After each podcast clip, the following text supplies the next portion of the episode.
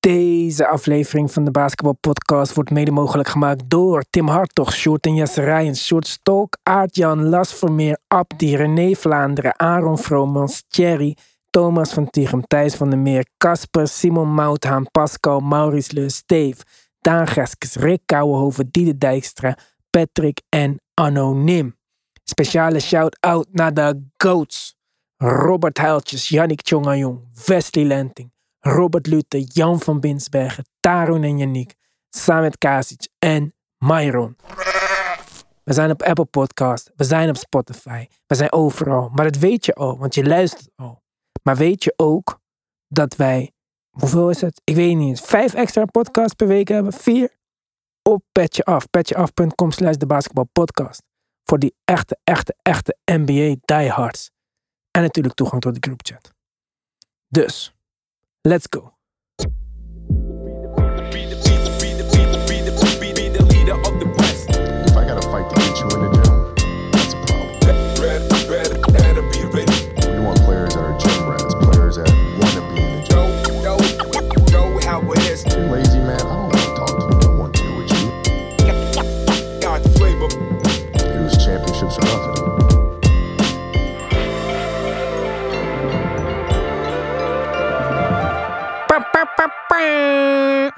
Ja, ik heb even geen toeten bij de hand. Tering, Tim. Donovan Mitchell, 71 punten. Jij hebt het gezien. Neem ik aan. Historie. Uiteraard gezien. Genoten. Ik kan niet anders zeggen. Dit was, eh, dit was geschiedenis. Niet alleen jij genoten, denk ik. Alle Cavs-fans genoten. Neutrale fans hebben genoten. Ik denk dat iedereen wel genoten heeft. Zelfs haters moeten een beetje kunnen genieten van dit. Want het was geen eens een geforceerde 71 punten. Exact. Ik denk dat er één iemand was die niet heeft genoten. Ik denk dat eh, James Dolan verzopen is in zijn jacuzzi met drie hoeren en een single malt. Want die heeft natuurlijk precies gezien wat hij graag wou hebben. Hij was zo close bij New York, Tim.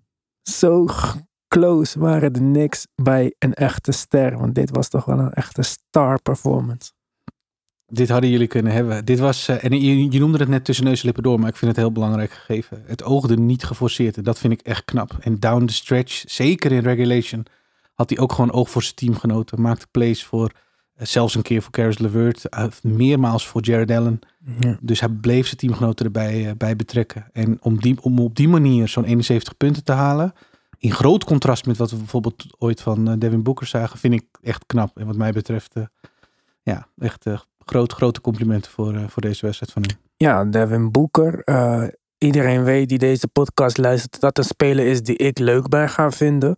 Maar die 70 punten game van hem, die telt niet gewoon. Ja. Het was A een los en B, alle ballen gingen naar hem toen ze al achter stonden om die score maar op te voeren. Dit was gewoon onzin. Donovan Mitchell, Tim, had in het eerste kwart 5 punten, in het tweede kwart 11 en bij de rust 16 punten. Julius Randle zou er zijn bed niet voor uitkomen. Nee, precies. Nee, er waren nog heel weinig voortekenen dat hij dat die zo zou ontploffen als dat hij nu deed. Maar ja, die tweede helft was spectaculair. Zeker de slotfase en, en uiteraard eh, OT was wat mij betreft eh, misschien wel de fase van de wedstrijd waarin je echt een beetje achterover sloeg achter, af en toe. Omdat het echt een soort eh, ja, shooting contest werd. Omdat hij, ja, right the hot hand. Hij was op dat moment zo, zo in een zone. Hij was de allerhoogste. Ja, Geen schot gemist in de hele overtime. 13 punten. Ja. Alleen die overtime had er eigenlijk niet moeten komen natuurlijk. Ja, ja dat, is, dat is ook gewoon zo. Daar, ja, daar kunnen we ook geen discussie over voeren. Ja, we krijgen van de NBA altijd zo'n mooi eh, two-minute report over de laatste twee minuten van de reguliere speeltijd. En hij heeft dus een lane violation begaan op die vrije worp. Waarmee hij uiteindelijk eh, overtime binnensleepte. Ja, kijk, aan de ene kant eh, kan je dan zeggen van... Ja, oké, dus dan telt het. Maar ook weer niet. Want de situatie was gewoon hoe het was. En iedereen heeft daarop kunnen reageren. En dat heeft hij op deze manier gedaan. Door heel veel te scoren. En hij scoorde ze omdat ze nodig waren. De Cavs miste ook een hoop spelers. Ze hadden negen mensen. Die hebben ze allemaal gespeeld wie er beschikbaar waren. Kevin Love was zelfs starter. En eh, die punten van Donovan Mitchell waren geen overbodige luxe. Plus hij had nog... Wat was het? 11 assists? 11 assists, ja. 8 rebounds, 11 assists. Ja. Ja. Dat is ook uniek voor eh, zo'n 70-point game. Ja. Er waren zeven spelers eerder met een 70-point game. Ik kende ze niet allemaal. Ik wist dat Wilte natuurlijk bij zat. Maar eh, ja, kijk, dan, dan komt er een puntje. Ik heb het er al in de groupchat over gehad. Waar het voor mij dan allemaal wel een beetje, ja, niet twijfelachtig wordt. Dat is niet het goede woord. Hoe moet ik dat nou zeggen? Ik weet niet hoe ik het moet zeggen, maar diezelfde avond scoort bijvoorbeeld Clay 54 punten. Gisteren scoort Johannes 55 punten. LeBron had 43. Diezelfde wedstrijd als Ro de Rosen 44. Ja. PG had 45. Luca had 51 laatst. LeBron had nog een keer 47. En beat boven de 40. McCollum, Poole, Randall. Iedereen scoort veel de laatste tijd. En dan denk ik toch wel weer... Ja, zijn deze scores nog te vergelijken met die van vroeger? En dan word ik zo'n oude zeurpiet, weet je wel. Van die, ja, precies die persoon waar ik vroeger een hekel aan had. Als waar het ook over ging, heb je altijd van die mensen. Ja, maar. Maar ja, ik begin ook een beetje die guy te worden. En ik wil dat helemaal niet. Maar dan denk ik wel van ja, vroeger was het toch anders. En. Eh. Maar jij hebt dat niet Nee, zo toch? erg. Nee, nee, zeker niet. Nee. Wat ik wel zie, en dat is niet zo gek, daar, eh, ik denk dat we daar eh, weinig woorden aan vuil hoeven maken, is dat, de, dat, laten we zeggen, de goalpost wel een beetje opschuift. Dus ja, je kan zeggen de 50 is de, de, is de nieuwe 40 en, en, en dat kun je ook zeggen voor de 40 en de 30. Eh, we zien zeker, alleen al dit seizoen, dat dat zoveel vaker voorkomt dat je je kan afvragen of een, of een 50-point game nog is wat het was. Prima, wil ik best met je in meegaan. Maar zodra je bij een grens komt, zoals we zagen van Luca met 60, maar zeker van deze Mitchell met, met 71, dan, dan zit je nog steeds op, op grote hoogtes. En, en dus zijn wat mij betreft dit soort outbursts, zoals we ze nu van, eh, van Mitchell gezien hebben, nog steeds historisch en nog steeds enorm veel waard. We hebben net verteld waarom het juist voor ons misschien nog wel meer waard is dan we in, in andere voorbeelden hebben gezien. David Robinson heeft ooit ook 70 plus punten gescoord, weet je dat nog? Ja, Toen zeker. hij eh, de scoringtitel moest pakken op het laatst. Laatste wedstrijd. ja, was hetzelfde soort recept als met Boeker. Heel erg op zoek naar. Eén verschil, dan- ze stonden wel voor in plaats van achter. Ja, en volgens mij pakte hij hem uiteindelijk ook nog, toch? Dus het was wel succesvol, ook die poging, zeg maar. Ja, maar het was eh, wat je zei. eh, zijn teamgenoten gingen fouten maken op de Clippers-spelers. Om sneller de bal weer terug te krijgen. Om weer sneller te kunnen aanvallen. Mm, om ja. die scoringtitel eh van Shaq af te pakken, zeg maar. Ja, ja. dus dat, dat, dat zijn allemaal... al- Als je dat een beetje in de context meegeeft, dan kun je denken van nou, nou moet dat nou? Dat was in dit geval allemaal helemaal niet zo. En dan denk ik, ja, ik wil best met je meegaan ingegeven dat we zoveel aanvallende schotkracht, power, eh, eh, talent zien. Daar komt het eigenlijk gewoon op neer. Dat inderdaad misschien de 40 van vroeger niet meer de 40 van nu is. Dat is waarschijnlijk de 50 grens geworden. En, en misschien willen we daar ook nog wel wat, eh, wat in boven gaan. Want we hebben al meerdere voorbeelden dit seizoen gehad van, van 50-plus point games. Prima. Ehm, maar er is wel nog een grens. En die grens die houdt in nog... eh, 60 points is nog steeds bijzonder. 70 is nog steeds bijzonder. Dat zijn gewoon historische prestaties die... Ja, kijk maar naar het verleden. Eh, ook toen niet werden gemaakt. En zeker niet op de manier zoals, zoals Donovan Mitchell nu gedaan heeft. Dus ja, ik, ik zie het in de huidige tijd, wat mij betreft. Want die is uniek. Die vergelijk ik dan ook niet zomaar met een random 50-point game van, eh, weet ik veel, 15 jaar geleden. Toen er veel minder gescoord werd. Omdat, ja, het vereist context. En eh, zolang we die er een beetje op los blijven laten, denk ik dat je dat gewoon op waarde kan schatten allebei. Ja, ze zijn allemaal verschillend. Wat je zei, die van David Robinson, die van Devin Booker, die waren duidelijk meer gevoed dan deze van Donovan Mitchell. Mhm. 16 punten in de eerste helft lijkt me niet dat hij bij de rust dacht van ik ga er hier 70 van maken of zo. Het is dus toch Ja. een beetje gekomen hoe het moest gaan. Hij heeft er meer minuten over gedaan dan sommige van de andere spelers natuurlijk. Hij speelt 50 minuten, Kobe scoorde 81 in 42 minuten. Exact. Kijk. ja, Kobe is misschien wel het perfecte voorbeeld. Ja, maar ook die van Kobe waren 81 nodige punten. Ja. En ehm, toen dacht ik nog van ja, hij heeft wel 25 vrije worpen gekregen. Maar zelfs David Robinson had 25 vrije worpen in die wedstrijd. Dus dat, dat is ook niet zo uniek. Dat is dan iets wat ik zou denken is meer van deze tijd, toch? Hè? Vrije worpen. Maar ja, dat valt dus eigenlijk wel reuze mee. Ja. En eh, ik heb er trouwens ook nog wat, want ik, ik dacht, nou, ik moet even overal induiken nu om het met zekerheid eh, het verschil te kunnen aanwijzen tussen vroeger en nu. Maar ik denk gewoon dat het allergrootste verschil is tussen nu en vroeger dat de pace of play gewoon veel hoger is. Ja. En de pace of play zijn het aantal possessions per 48 minuten. Dat zijn er dit seizoen 99,4. Dat waren er 20 jaar geleden in 2002, 2003, 91. Er zijn gewoon acht meer aanvallen. Dat is gewoon veel. Absoluut. Dat is een groot verschil. Ja, Als je nu eh, dit soort, eh, dat soort highlights, want we hadden ook toen eh, wel aardige, een, aard- een aantal high-scoring games. Als je die terugkrijgt, al is het maar de highlights, zie je, valt één ding direct op. En dat is het verschil in pace. ja, en die veel meer vrije worpen die we nu zien, of zo lijkt dat we die nu zien. Dat valt mee. Ja, dat klopt niet. Want ik heb dus ook Nee. opgezocht wat de free throws per field goal attempted zijn. En dat was 0,229 in 2002, 2003. Dat is nu 0,209. Dus het is zelfs nog minder dan dat het was.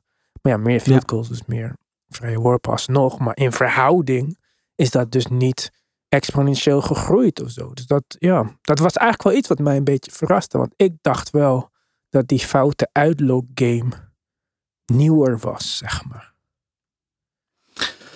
Eh, nou, dat, ik denk ook wel dat dat zo is. Ik denk dat we een aantal voorbeelden van spelers hebben die daar eh, heel erg de nadruk op leggen. En voor wie dat misschien nog niet eens dit seizoen, maar zeker wel in de voorgaande seizoenen natuurlijk eh, een, een groot deel van hun spel werd en was. Dus ik denk dat we een aantal voorbeelden kennen die ons heel erg zijn bijgebleven. De Trey Youngs, de James Hardens, Embiid. die daar, Joel Embiid, die daar heel handig in zijn geworden en daar heel veel gebruik van maakten. Maar dat wil niet zeggen dat het league-wide ja, een, een fenomeen was wat we, wat we misschien wel eh, vaker terugzagen. Want dat valt volgens mij wel mee. Ja, maar toch die uitschieters zijn die dingen wat je meer onthoudt dan op de een of Ja. andere manier. Oh ja, tuurlijk. Omdat het, zeker omdat het negatief is. Mm. Als kijker is dit, ja, dat, dat is niet wat je wil zien. Ja. Eén ding waar ik wel een verschil in heb gevonden is misschien dat de uitschieters meer scoren ten opzichte van de verdeeldheid die er vroeger in een team zat. Zag. Als je kijkt dat er dit seizoen, dan mag je een gok doen. Hoeveel spelers denk je dat meer dan 20 punten per wedstrijd scoren? Oh, hoeveel spelers? Dit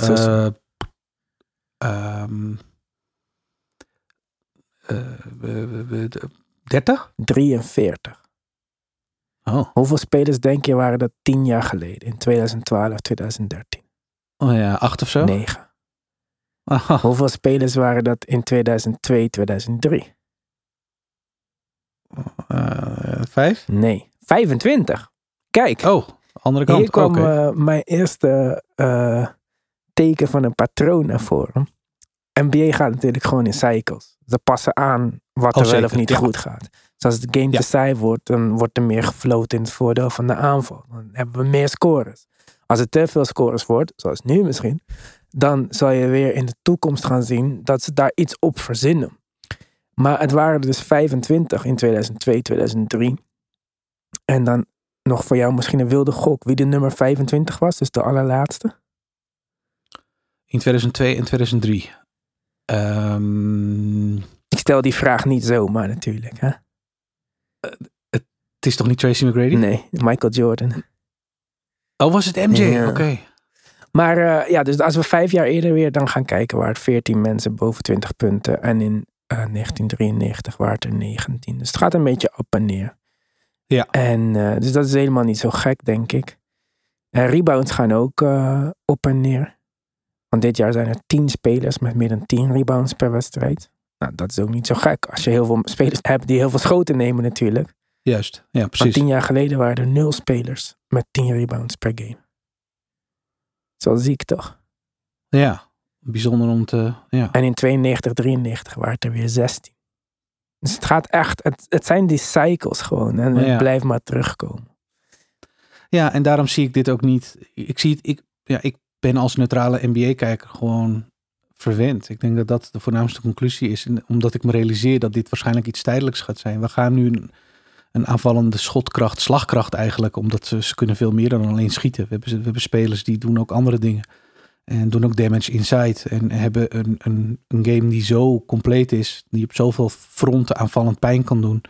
Dat ja, we kijken gewoon naar ongekend aanvallend talent. En dat zal een tijd lang duren totdat eh, alle records eh, naar de galamiezen gaan. En, eh, en el- elke All-Star Game score gewone score uit reguliere seizoen blijkt te zijn de komende periode. En dan zal ergens de NBA al aan de handrem trekken en zeggen...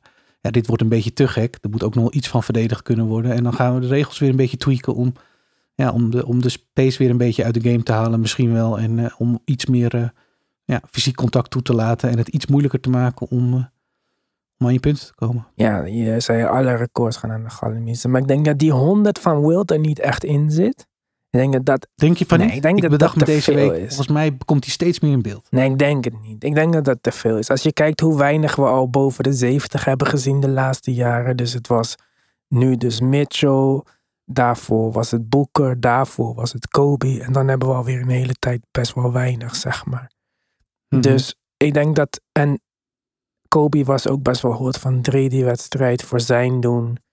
Mhm. Als Stef het zou kunnen, had hij al meer in de buurt gezeten. Maar je moet echt. De meeste van die 70 punt spelers zijn geen drie punt shooters. Hè. Er zijn, nee, nee, klopt. zijn klopt. spelers die op alle manieren kunnen scoren. En eigenlijk ondergemiddelde drie point shooters zijn. Maar die, die wedstrijd dan iets wat hotter waren van drie. Maar als we dan Ja. praten over de volgende 70 punt scoren. Wie zou jij denken is daar een kandidaat voor? Voor mij is er natuurlijk eentje die er bovenuit eh, steekt. Maar die zal jij gaan opnoemen, denk ik. Ja, de, de, de obvious choice is Luca. Ja, dat denk ik ook. Ja. Ja, het is een kwestie van Dat tijd. denk ik En het ook. heeft ja. met- ja, en het heeft ook wel met een aantal ingrediënten te maken die eraan kunnen bijdragen. Dus je kan het een soort wel van voorspellen of projecteren. En, en, en in zijn geval doet dat gewoon heel erg goed. Hij heeft een team waar, waar te weinig uitkomt. Hij moet dit al, eh, al vaker doen. Hij heeft al laten zien dat hij de 60 kan halen. En dit, dit is zo'n seizoen voor hem waarin hij eh, los kan gaan. Kijk, eh, als de Mavericks ooit een, een hele eh, talentvolle unit om hem heen zouden krijgen, waarbij de Mavericks opeens titelkandidaat zijn, dan zijn dat alweer minder. Dan verwacht je dat de productie van Luca naar beneden kan, dat er wat meer vanuit zijn team komt. En dan zijn juist, snap je, die de recepten voor een eventuele zes- eh, 60, 70, whatever eh, point game het, het ook zou mogen worden, al wat minder waarschijnlijk. En dit seizoen is die denk ik wel waarschijnlijk. Dus als het ergens nog een keer gebeurt, zie ik het Luca doen. Ja, ik denk dat Luca inderdaad de grootste, grote kanshebber is. Toen ik het in de groupchat vroeg, zeiden ze als eerste Embiid. Ja, Kan natuurlijk je als niet- geen anders de regels manipuleren. Dus die vrije worpen zitten wel goed in ieder geval. ja, Kan Ja. ook scoren op elke manier mogelijk. Hè? En als hij een keertje hot is van drie, dan schiet het ook al aardig op natuurlijk. Hij kan, hij kan dat ook. Ehm, ja, het zou moeten samenvallen met een Tyrese Maxey en een James Harden die zeggen, oh prima, Embiid is hot, geef hem de bal. Ja, eh, Want om 70 te, te krijgen, kijk hij heeft dit seizoen al een keer 59 gehaald volgens mij. Ik zit even snel naar beneden, 53 ook al een keer. 70 betekent wel echt inderdaad dat je of OT moet spelen of in regulation wel zo vaak de bal in je handen moet hebben. Dat, eh, ja. in dit geval Harden of Maxi, eh, zeker Harden natuurlijk, ja, iets moet inleveren daar op dat vlak, denk ik. Maar ja, Harden en Maxi zijn ook regelmatig oud. Dus dat zou ook gewoon zo Ja, dat, is waar. Ja, zijn. ja, ja, dat helpt ook. Ja, ja, Ik ja. denk misschien Shea. Shea past wel in dat rijtje van niet de drie-punt shooters die wel op elke mogelijke manier kunnen scoren. Hij haalt heel veel vrije worpen dit seizoen. Dus als hij een keertje 7, 8 drie-punters erin schiet in een wedstrijd. Hè, is niet super likely, maar niet onmogelijk zou ik zeggen. Leuke keus. En eh, om dit nou alles eventjes in een wat meer historisch perspectief te plaatsen. We hadden het dus net al over Booker en Robinson. Ik denk dat we het er dan over eens kunnen zijn dat die niet echt per se meetellen voor ons dan. Hè? Wij zijn natuurlijk niet de NBA, wij zijn de basketbalpodcast, wij bepalen onze eigen regels. Ja. Dan ben ik benieuwd wat jouw favoriete high-scoring game was. En dat hoeft dus niet per se 70 te zijn dan. Nee, nee, het zijn er 62, dus iets minder. Eh, maar je zat net in de buurt, eh, want eh, het was eh 10 maart 2004, de Wizards tegen de Magic. Twee ploegen die echt, nou ik kan gewoon zeggen slecht waren dat seizoen. Ja. 2004 wonnen de Pistons uiteindelijk het kampioenschap. Gilbert Arenas scoorde de 40 in die wedstrijd. Het is eigenlijk hetzelfde gevalletje als de Mar Rosen in de wedstrijd van, van Mitchell had. Speelde aanvallend, had ook wel een redelijke outburst, maar die gaat in de, in de vergetelheid natuurlijk. Omdat aan de andere kant in dit geval Tracy McGrady 62 punten scoorde. En ik heb die wedstrijd vandaag even zitten terugkijken. Tenminste, dat wil zeggen zijn highlights. Mhm. En eh, ja, dit is het. Ik ging weer achterover zitten. Ik had nog net geen popcorn in mijn handen, maar het was zo zwaar genieten. Ja. Het was eh, helemaal niet per se een briljante wedstrijd. Het was helemaal niet een wedstrijd waarin McGrady opeens niet van drie kon missen. Want dat kon hij regelmatig wel. Het was zeker niet de meest fantastische driepuntschutter. Eh, vrije worplijn was hij ook niet fantastisch. Slechts 65%. Dat was onder zijn gemiddelde. Maar hij was de ene na het andere jumpshot. Het was niet te geloven. Die Wizards hadden geen enkel antwoord op hem. En uh, ja, het was gewoon een masterclass. En nu ik het weer uh, moest terugkijken, weer, weer enorm zitten te genieten. Ja, deze man scoorde soms gewoon 40 punten zonder een druppel zweet te laten. Ja. Kon zo, ja, en je zag gewoon de, de wanhoop bij de, in, aan, aan de verdedigende kant. Hij kreeg af en toe Jerry Jeffries. Soms switchte ze en dan kreeg je iets van Christian Leitner. Of, nou, die probeerde het niet eens. gewoon niet eens een hand omhoog. Sloeg nergens op. Die gasten die hadden meteen al in de gaten. Nou, de, als, hij, als hij dit raak schiet, deze wedstrijd. Nothing we can do. Ja, ik heb uh, ook zo iemand. Kan je raden wie? MJ? Nee. Nee, kijk, Jordan heeft die 63 punten in een playoff wedstrijd. Dat is wel interessant. Dat is, dat is wel een groot, ja, dat is wel een groot, groot ding. Ja. Maar hij had, hij had toch ook nog wel um, high scoring games als een wizard. Hij heeft toch nog wel eens 50 gescoord ja, volgens wizard, mij twee keer in een maand zelfs. Ja. Maar uh, kijk, ik vind playoffs is weer een extra dimensie natuurlijk. Dat maakt het extra knap. Jordan had overigens ook boven de 20 vrije worpen in die wedstrijd. Maar had ook nog eens even een keertje drie steals en twee blocks. Dus uh, die deed ook verdedigend nog wel wat. Dat is ook wel knap trouwens van uh, Donovan Mitchell. Want die heeft deze 71 punten met 34 field goal attempts gedaan. En daar heeft zeker niemand minder uh, field goal attempts voor nodig gehad. Dus dat is ook een uh, accolade die we bij kunnen schrijven bij Donovan Mitchell. Maar Ja. uh, nee, mijn is eigenlijk, kijk, Kobe zou natuurlijk kandidaat zijn. Maar mijne gaat dan toch naar, ja, naar mijn mening misschien wel een van de meest underrated players als het komt op echt puur scores. Want ik zou hem echt wel top 5 zetten, sowieso. Mello? Ja, 62 punten. Eén field goal attempt meer dan Donovan Mitchell, maar maar 10 vrije worpen. Ver uit de laagste vrije worpen van alle 60 plus wedstrijden. 60 Ja. plus punten wedstrijden. Uh, voor de rest was het wel grappig, maar hij had wel iets van, uh, weet ik veel, 15 rebounds of zo. Maar nul voor de rest alles. Geen assist, geen steals, geen blok.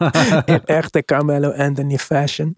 En Ja. uh, ik kan me die wedstrijd heel goed herinneren, want ik heb die live gezien. En ik weet nog dat ik toen tegen een vriend van mij zei, Nevin, van um, ja, hij had, hij had 75 kunnen scoren. Melo speelde die wedstrijd maar 39 minuten. En dat is Oh. ook by far minder dan al deze andere spelers. Ja. En uh, hij werd eruit gehaald. Ze stonden dik voor. En uh, hij werd er, ik denk dat hij echt uh, acht minuten van het vierde kwart niet heeft gespeeld of zo. Ik denk dat Melo echt die wedstrijd. Ja, ik denk dat hij makkelijk die 70 had kunnen halen. Maar ja, ik denk dat zoveel jaar later. Maar dus 62 punten zonder echt vrije worpen. Of tenminste, hij had er 10. Maar, en 10 uit 10 ook dan. Hij was zo goed die wedstrijd. Hij, hij kon niet missen gewoon. eh. Nee. En Mellow on Fire gebeurde wel vaker natuurlijk. Ja. Maar het waren vaker spurts in de wedstrijd, zeg maar. En dit was gewoon de hele wedstrijd. Hij kon niet missen. Ja, precies. Ja. En uh, hij nam ook gewoon elk schot. Uh, en er kon niemand wat aan doen. En het was uh, in MSG natuurlijk. Dus, eh, Wanneer was het? Welk seizoen hebben we het over? Dat durf ik niet te zeggen zo uit mijn hoofd. Weet je tegen wie het was? Dat weet ik ook niet meer. Kan... 62, hè, zei je. Hm. Tegen de Bobcats. Oh ja. Januari 2014. Ja. Oké. Okay. Highest single point total in the history of Madison Square Garden. Dat is ook wel wat waard. Ja, is dat niet gebroken onlangs? Dat is toch wel een aardige titel als je die nog steeds overeind heeft weten te houden. 6 op 11 van 3, 23 op 35 van de field. Wauw. Ja, hij was heel uh, hot die wedstrijd. Maar ik denk dat nog steeds de highest scoring game is in Madison Square Garden. Will Chamberlain scoorde natuurlijk uh, zijn 100 punten tegen de Knicks. Maar ik denk niet dat Madison Square Garden er toen was. Ja, goede vraag. Het, misschien was het er al wel, maar het was, niet, ja, het was niet in MSG volgens mij toen hij die 100 punten scoorde. Ik het ook niet. Ah ja, Bobcats. Ja. Nou, die stelde dat seizoen ook niet veel voor. Nee, daarom heeft hij die wedstrijd ook niet uitgespeeld, omdat ze dus ver voor stonden. Maar al was dit net zo'n ding geworden als David Robinson, dat ze hem alsnog gewoon de bal gingen feeden, feeden, fouten gingen maken om hem weer de bal terug te geven. Ja, dan ja. denk ik echt dat hij, ik denk echt dat hij, hij was dichtst bij die 80 van al deze spelers, zeg. Ja, ja ik zat uh, uiteindelijk die line van Team Mac te bekijken. En ik zag inderdaad, omdat hij zijn vrije worpen zo slecht schoot, dat hij daar nog wel, dit had rustig hoger kunnen zijn dan de 62 die hij, maar niet uh, wat jij nu zegt. En daar lijkt het inderdaad in het geval van Mello wel op. Dat zou, uh, ja, als je dat zo in hindsight bekijkt, jammer toch hè, dat je... Ja, maar het was echt gek toen dat hij naar de kant werd gehaald. Zelfs voor mensen zoals mij die niet echt van die records zijn en zo, dacht ik van, hé, hey, kom op man. Laat ja, werd toen gewisseld door de coach. En hij was ook wel moe volgens mij, kan ik me nog herinneren. Maar ja, ik denk dan, zelfs al had hij, was hij niet meer super hot geweest. En had, ook al had hij nog maar 30% van zijn schoten raak geschoten. Als hij nog uh, 8 had genomen, had hij al die 70 plus gehaald. Ja, precies. Maar ja. Uh, nou, dit was natuurlijk spectaculair nieuws. En we hebben ook minder nieuws over een spectaculaire speler. Want Zion Williamson is eruit voor een paar weken. MRI-scan ja. gehad, niks gescheurd, maar wel verraakt. Ja, begin, ja, ik weet niet man. Eddie Jones had een opmerking, ik weet niet of je dat hebt gezien. Die zei van ja, hij is gewoon niet gemaakt om basketbal te spelen. Het gaat gewoon niet goed eindigen. En altijd als er op zo'n moment iemand zoiets zegt, dan denk ik gelijk van, oh, misschien heeft hij wel een punt. Ja, ik, uh, ik, ik wil het niet tot me laten indalen dat dat misschien een optie is. Maar uh, ja, ik, ik, liet hem laatst ook weer zien op tv aan, ik geloof, mijn familie hier. En ja, die konden ook, hoefde ook geen wetenschap erop los te laten om te zien van wauw, die gozer ziet er echt, echt wel anders uit dan de rest, zullen we maar zeggen. En, ja, maar wat moet hij dan doen als hij niet moet basketballen? Dan moet hij echt wat stenen gaan tillen of zo. Nee, ja, inderdaad. Ik heb altijd gezegd, hij ziet eruit als een NFL, als een linebacker. Maar ja, maar wordt hij ook geblesseerd hoor in de NFL. Ja, daarom. Als je zoveel kracht op je explosiviteit op je benen moet gaan zetten, wat hij natuurlijk op het basketbalveld nu ook doet, ja, dan kun je wachten op uh, net zo goed uh, hamstring issues daar natuurlijk. Dat, is niet zo, uh, dat is niet, zou niet zo gek zijn. Dus ik weet het niet. Misschien wordt dit weer een voorbeeld zoals we niet zo heel lang geleden ook over Kawhi hebben besproken. Ja, dit wordt voor de Pelicans een kwestie van um, een manier gaan vinden om hem in beperkte mate ja, belast te laten worden, zeg maar. Ja. Omdat hij blijkbaar... Het zag er echt goed uit dit seizoen. Ja, tuurlijk. tuurlijk. En dat zal het ook wel weer worden. Want dit is een week of drie, hebben ze gezegd? Ja, multiple weeks eh, stond er in het report. Dus ja, zeg het maar. Ja. Maar ja, het komt natuurlijk ja, ook gewoon slecht uit. Omdat uh, Brandon Ingram daar nog steeds langs de kant staat. Sinds al november volgens mij. Ja, met een uh, toonspray. Uh, toespray. Contusion, toch? ja. ja. Link dus het wordt... Het wordt moeizaam of zo. Ja, het wordt er niet makkelijker op in ieder geval. Maar gelukkig staan ze er heel goed voor in de standings. Dus zelfs als ze nog een maand zonder deze twee moeten doen. En kijk trouwens wat de Warriors nu doen zonder uh, al hun sterren. Of tenminste al hun sterren. Zonder Steph en Wiggins. Toch in tweede All-Star. En ze hebben dit seizoen al laten zien dat er, dat er zoveel spelers om hun heen zijn. En dan heb ik het over Zion en BI. Die, um, die het zo goed doen. Op allemaal op hun eigen manier. Dat, dit is nog steeds gewoon een, één, een heel leuk team om te kijken. Dat, is, dat zijn namelijk ook de rest van die jongens.